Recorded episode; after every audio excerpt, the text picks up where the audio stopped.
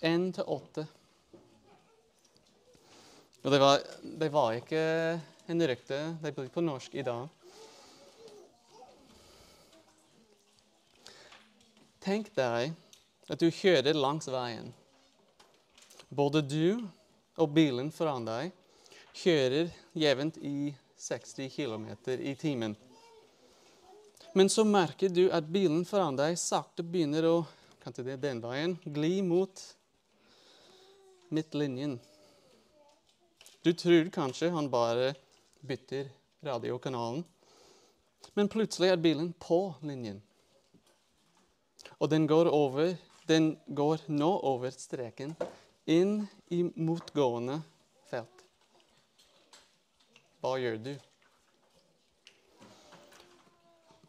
Jakob skriver dette brevet for å hjelpe de kristne i den tidlige kirken, slik at de vil vandre i rett tråd med Jesu evangelium og bibelsk tro.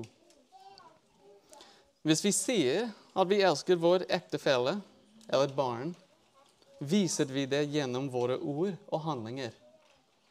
Hvis vi sier at vi elsker Herren, som frelste oss, viser vi det ved å prise ham be til ham og elske dem han skapt og, og elsker. Jakobs hovedpoeng er at vår tro på evangeliet skal være synlig i vår lydhet mot Gud. Alt Jakob skriver om i brevet sitt, er sentrert rundt de to siste versene i kapittel 5, vers 19-20.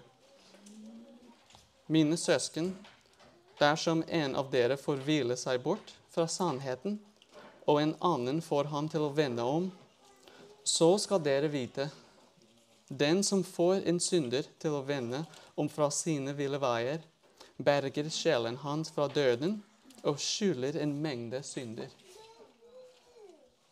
Jakob elsker dem han skriver til, og han vil at de skal leve i tråd med den kristne troen de bekjenner, både for deres beste og for det gode for dem blant dem.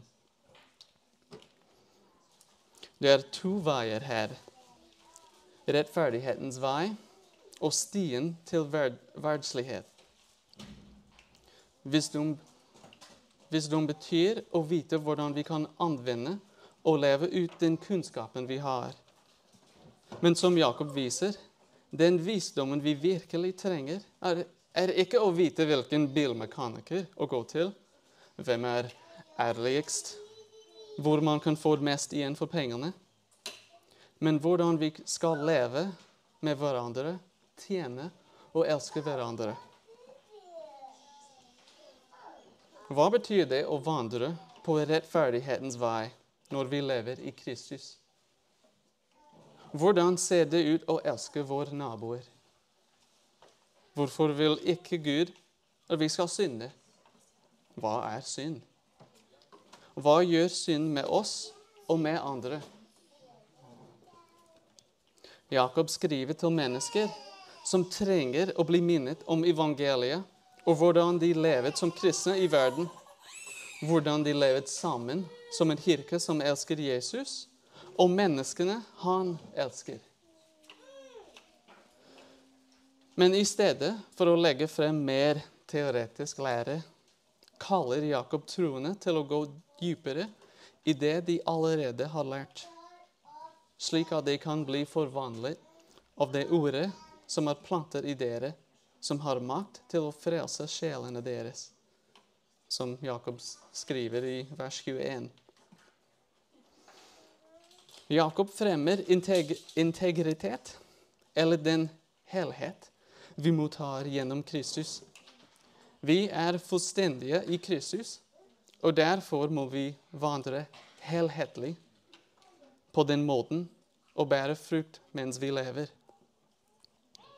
Når vi går over denne teksten i dag, er målet at vi skal spørre oss hvordan hjelper Jakob oss å forstå Guds visdom. Hvordan kan jeg bedre vandre i tråd med det jeg tror på? Så jeg begynner med vers 1. Det står Jakob, Guds og Herren Jesu Kristi tjener, sender sin hilsen til de tolv stammer som er spredt omkring i fremmede land. Jakob identifiserer seg selv ganske enkelt som Jakob, en tjener av Gud og av Herren Jesus Kristus. Det var flere menn som het Jakob i Det nye testamentet. Men Jakob, bror til, ikke bror, bror til Jesus, er den mest sannsynlige forfatteren av dette brevet. Selv om han ikke får mye oppmerksomhet i apostlenes gjerninger, er det Jakob, Jesu bror, som ledet menigheten i Jerusalem. Du kan lese om den i Apostlenes gjerninger, kapittel 12 og 15. Og han gjorde det i kanskje ca. 20 år. Og Paulus betrakter ham som en søyle i den tidlige kirken sammen med Peter og Johannes. Jakobs brev antas å være det tidligste Nye testamentet-brevet, skrevet i midten til slutten av 40-tallet, ca. 15 år etter Jesus død og oppstandelse, og noen år før Paulus skrev sine ny, ny testament, Nye testamentet-brev. Jakob skrev dette brevet til de tolv stammer som er spredt omkring i fremmede land. De var kristne, i det minste jødiske, jødiske kristne, som bodde utenfor Israel og i hedenske land. Dette har et veldig bredt publikum, og deres omstendigheter vil variere mye fra sted til sted. Men disse kristne ble sannsynligvis håndet av sine ikke-truende naboer for å tro på bare én Gud, og for å tilbe en ydmyket, korsfestet og oppstanden frelser. Men når disse prøvelsene kom, stolte de mer på sin egen oppfinnsomhet enn på Guds visdom, og elsket seg selv i stedet for å elske andre. Jakob skrev dette brevet for å veilede leserne, inkludert oss som lever her i dag, til å elske Kristus og hverandre, fordi de hadde begynt, å krysse midtlinjen på veien. Jakobs brev gjelder imidlertid fortsatt for alle kristne generelt. Temaene han tar opp og holder ut under prøvelsen, prøvelse, be uten å tvile, ikke favorisere noen over andre og temme tungen, er utfordringer som alle kristne møter. Eh, jeg hadde egentlig planlagt å tale om hele kap kapittel 1, men det ble altfor mye veldig fort. Istedenfor det er det vers 1-8. Og disse åtte versene handler om to temaer. Vers 2-4. Når prøvelser kommer, husk og gled dere over at Gud bruker dem til å fremme vekst og modningsprosessen i oss. I vers 5-8. Når prøvelser kommer, stol på Gud, be om visdom, og Gud vil gi det i rikt mål. Men mennesker som er splittet, får ingenting. Vers 2-4 uh, står det Se, se det bare som en glede, søsken, når dere møter all slags prøvelser. For dere vet at når troen blir prøvet, skaper det urholdenhet. Men urholdenhet må føre til fullkommen gjørning, så dere kan være fullkomne og hele uten noen mangel. Jakobs brev kalles ofte ordspråkene i Det nye testamentet. Vi har akkurat gått gjennom de første seks kapitler i ordspråkene. Og det gir oss to veier. Visdommens vei og dårskapens vei. Og Jakob gjør det samme. I kapittel 2 skriver han at vi skal være lyttere og gjøre det. Vi skal høre ordet lært, og så gjøre det. For ved å gjøre det viser vi at vår tro er levende. Hvis vi bare hører ordet, men ikke blir forvandlet av det, da er vår tro død. I kapittel 3 bruker vi munnen vår til å velsigne Gud, men så forbanner vi andre. I kapittel 4 kan vi underkaste oss og nærme oss Gud, eller velge å være venner med verden og være Guds fiende. Jakob presenterer disse to måtene gjennom hele brevet. Og jeg tror at temaet om å vise vår tro gjennom hvordan vi lever, dekker innholdet i dette brevet. Jakobs ønske er at enhver troende som leser brevet hans, skal holde seg i Bibelens spor. Ikke begynn å skli over i det andre kjørefelt.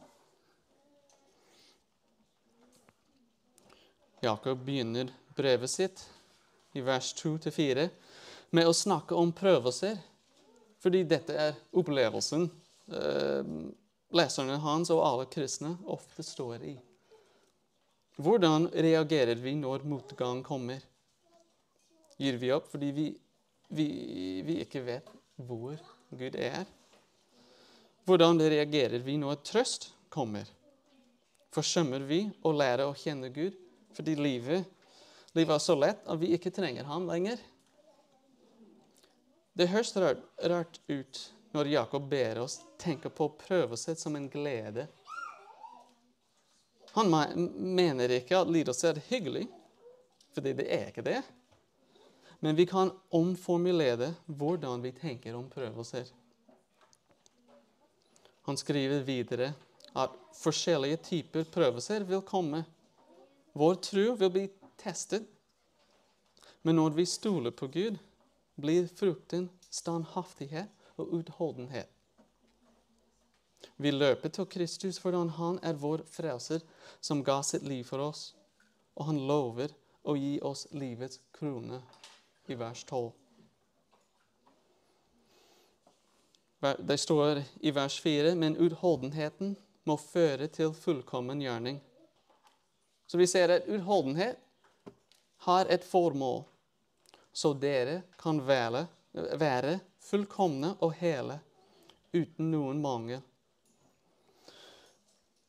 Jakob snakker ikke om, eller skriver ikke om å være helt moralsk, moralsk perfekte nå. Vi skal ha målet for øyet, men vi kommer ikke til å bli perfekte i dette livet. Poenget er at når vi stoler på Gud og holder ut i prøvelser, vokser vi i integr integritet, modenhet og trofasthet. Vi ser hvordan Gud jobber i oss gjennom de vanskelige tidene vi opplever. Når vi sier at vi stoler på Gud, vil Jakob at vi skal vise det med våre handlinger. Vi stoler virkelig på vår far. Når vi vandrer med Gud gjennom både de gode og de vanskelige delene av livet, vil vi vokse i modenhet. Vi har glede fordi vi vet at Gud gjennom dette former oss til å bli mer som Kristus. Det står i 1. Petters brev, kapittel 1, vers 6-7. Derfor kan dere juble av glede, selv om dere nå en kort tid, om så må være, har det tungt i mange slags prøvelser. Slik blir troen deres prøvet, selv forgjengelig gull blir prøvet i ild. Troen, som er mye mer verdt, må også prøves, så det kan bli til pris og herlighet og ære for dere når Jesus Kristus åpenbarer seg.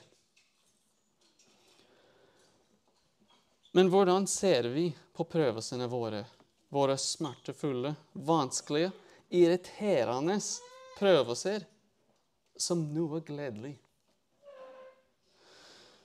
Uh, når Jakob skrev 'se det som en glede'. Eh, Det greske ord, ordet som er bak den, forekommer også i Jakob kapittel 2, vers 23. Abraham trodde Gud, og derfor regnet Gud ham som rettferdig, og han ble kalt Guds venn. Så derfor regnet Gud. Uh, in English, it would be count these trials as joy, and God counted Abraham, or he considered Abraham to be righteous. Abraham trodde på Gud, og på grunn av det betraktet Gud denne svært ufullkomne mannen som rettferdig. Abraham levde da et liv i ufullkommen lydighet mot Gud. Hans ufullkommenhet og synder ble dekket av en annen. En som ville dø for Abraham og alle andre troende tusenvis av år senere. Hvordan kan vi se på prøvelsene våre og vurdere dem med glede?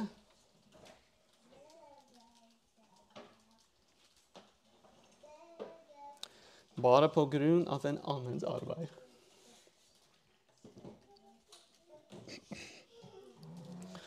På grunn av en som døde for oss, hvor alle ting vil virke til vårt beste.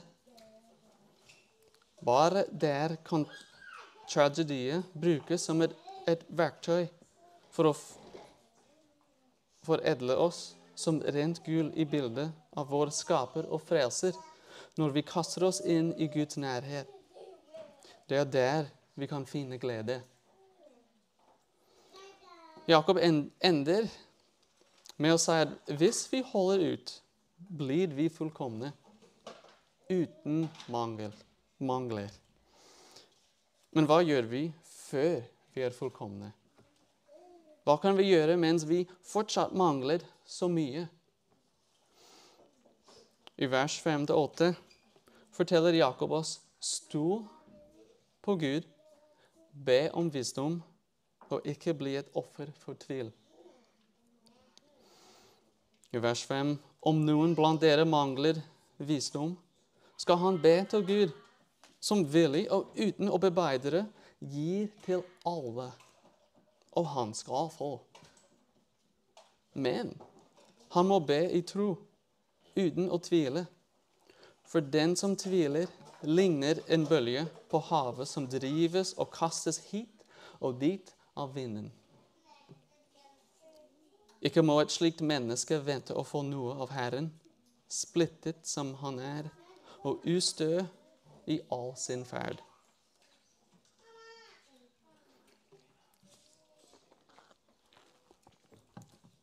Siden vi ikke er, er helt modne, vil vi alltid mangle noe når vi, når vi gjennomgår prøvelser. Vi trenger Guds perfekte visdom. Og hvordan får vi det? Vi får det ved å be. Vi ber Gud om, om hans visdom. Og hvem er vår Gud? Jakob sk- skrev til oss at han er Gud som gir sjenerøst til alle uten å bebeide det. Bebreide. Og Jakob ber oss bare be om visdom, og det vil bli gitt oss. Gud gir sjenerøst til alle. Så når vi har et problem, vil Gud løse det.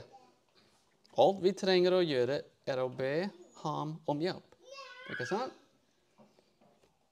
Mm. Ikke akkurat det. Fordi samtidig, i vers 6, forteller Jakob oss at det likevel er et krav til vår bønn. Men la ham spørre i tro, uten tvil. For den som tviler, er som en bølge av havet som blir drevet og kastet av vinden. Den som ber i tro, velger å stole på Gud til enhver tid og leve for å ære ham. Når vi ber til Gud, må vi tro at Gud er den han sier han er.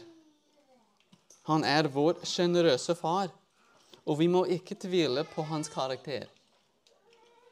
Vers 18, I vers 18 står det av Guds egen vilje, og det betyr han ikke ble tvunget til å gjøre dette, førte han oss fram ved sannhetens ord, slik at vi skulle være en slags førstegrøde av hans skapninger. Hvis Gud ga oss evig liv gjennom evangeliet, er han på vår side. Han ønsker å gi oss gode gaver som visdom. Men Jakob sier også at vi ikke skal tvile. Mange er i tvil, spesielt når prøvelser kommer. Er Gud med meg? Bryr han seg? Er han virkelig ekte? Oppsto virkelig Jesus fra de døde? Hvorfor er denne prøvelsen så vanskelig for så lenge? Men Jakob kritiserer ikke personen som av og til er, er, er, i tvil om sin tro, eller som faller i synd i ny og ne. Da ville ingen mennesker få bønnene besvart.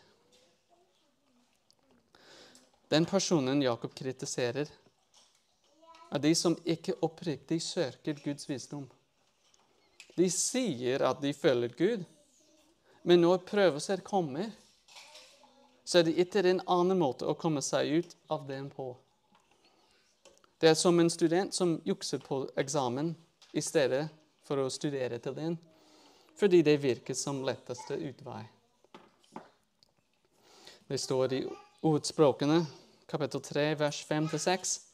Stol på Herren av hele ditt hjerte, og sett ikke litt til ditt vet. Tenk på ham hvor du enn ferdes, så gjør han dine stier jevne. I vers 12 skriver Jakob, salig er den mann som holder ut i fristelse. For når han har stått sin prøve, skal han få livets krone, som er lovt dem som elsker ham. Gud har lovet livets krone, bare du holder ut. Men hvis du ikke stoler på at Gud holder hans løfte, så har du ikke noe å stå på i prøvelsene.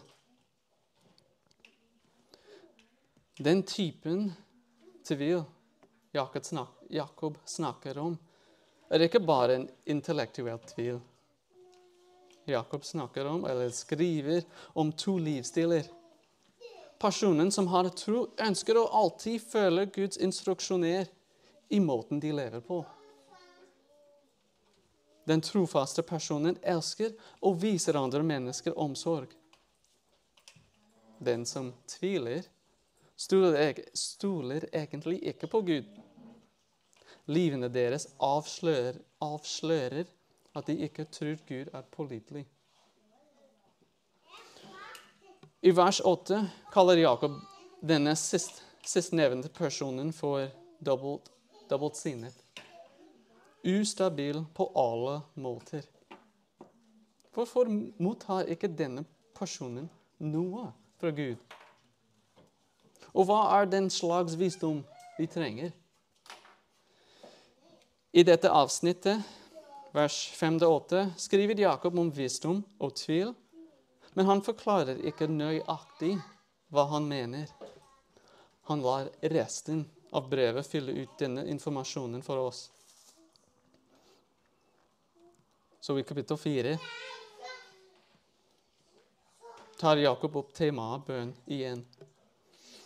I vers 1 i kapittel 4 skriver Jakob hvor kommer alle striden og spliden hos dere fra?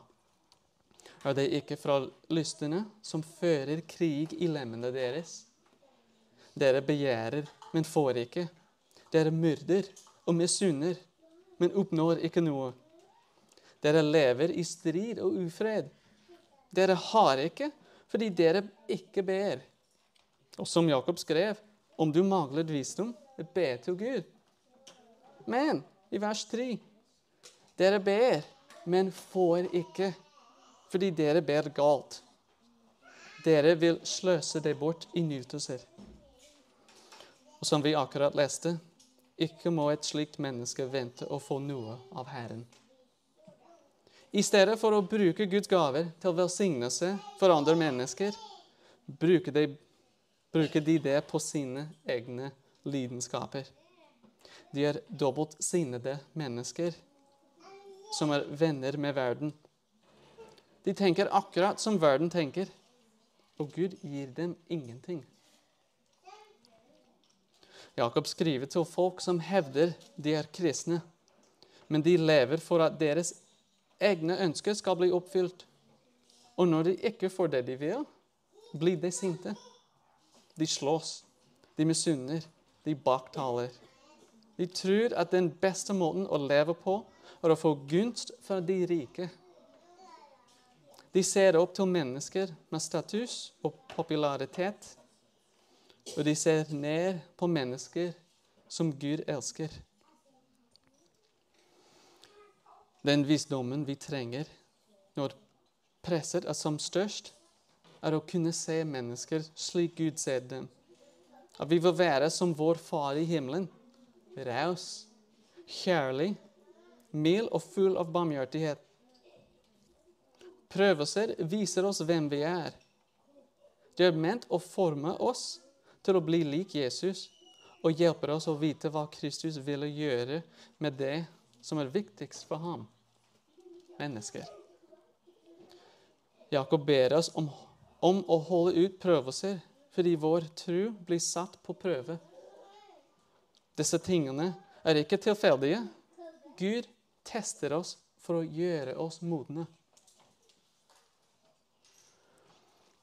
Tvileren stoler ikke på Gud i praksis, så han eller hun er dobbeltsinnet, ustabil på alle måter. Livet deres reflekterer ikke Guds karakter fordi de ikke stoler på Gud selv. Når prøvelser kommer, stoler de ikke på Guds godhet. De ønsker øyeblikkelig befrielse fra sine vanskeligheter og de er villige til å kjempe mot andre for å oppnå den befrielse. Denne personen er en type som hører ordet, men ikke gjør, men ikke gjør det. Med mindre det er praktisk for de å gjøre det.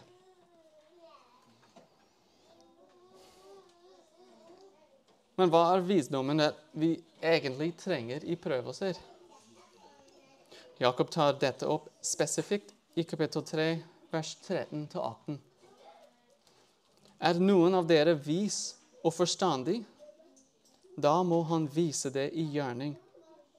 I et rett liv preger av den ydmykhet som visdommen gir. Men bærer dere bitter misunnelse og selvhevdelse i hjertet? Da må dere ikke skryte og lyve mot sannheten.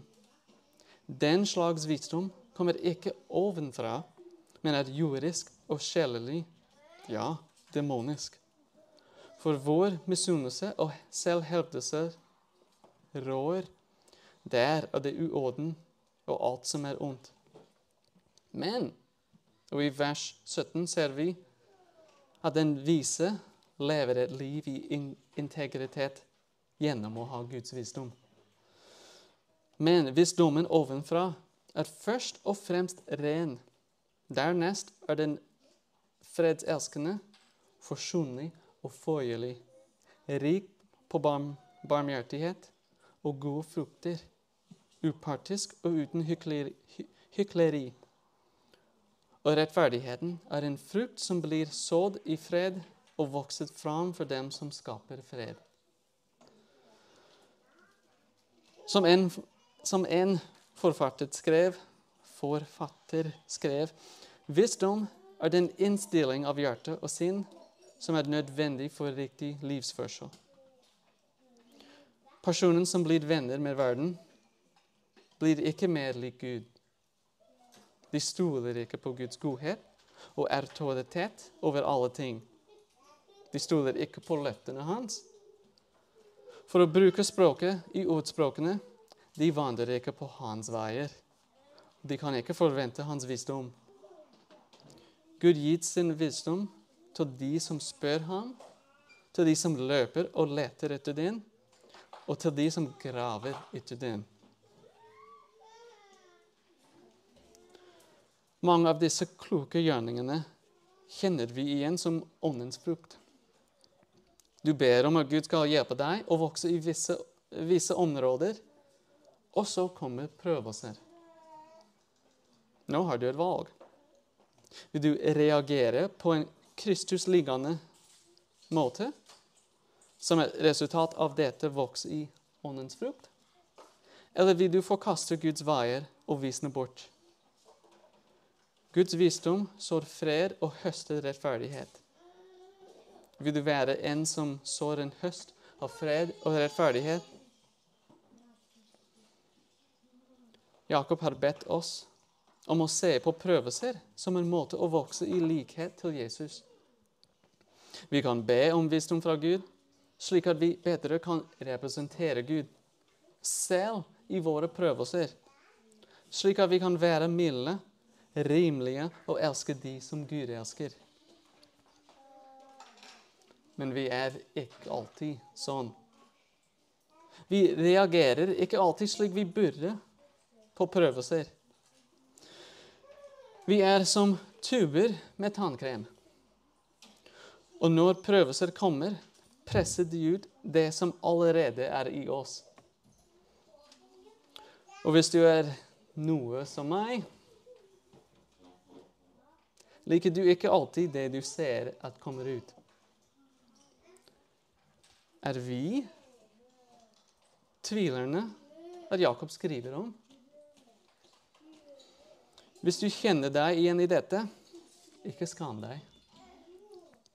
Du er nemlig akkurat den personen Gud leter etter.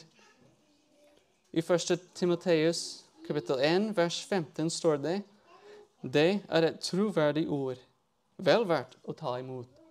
Kristus Jesus kom til verden for å frelse syndere, og blant dem er jeg den største.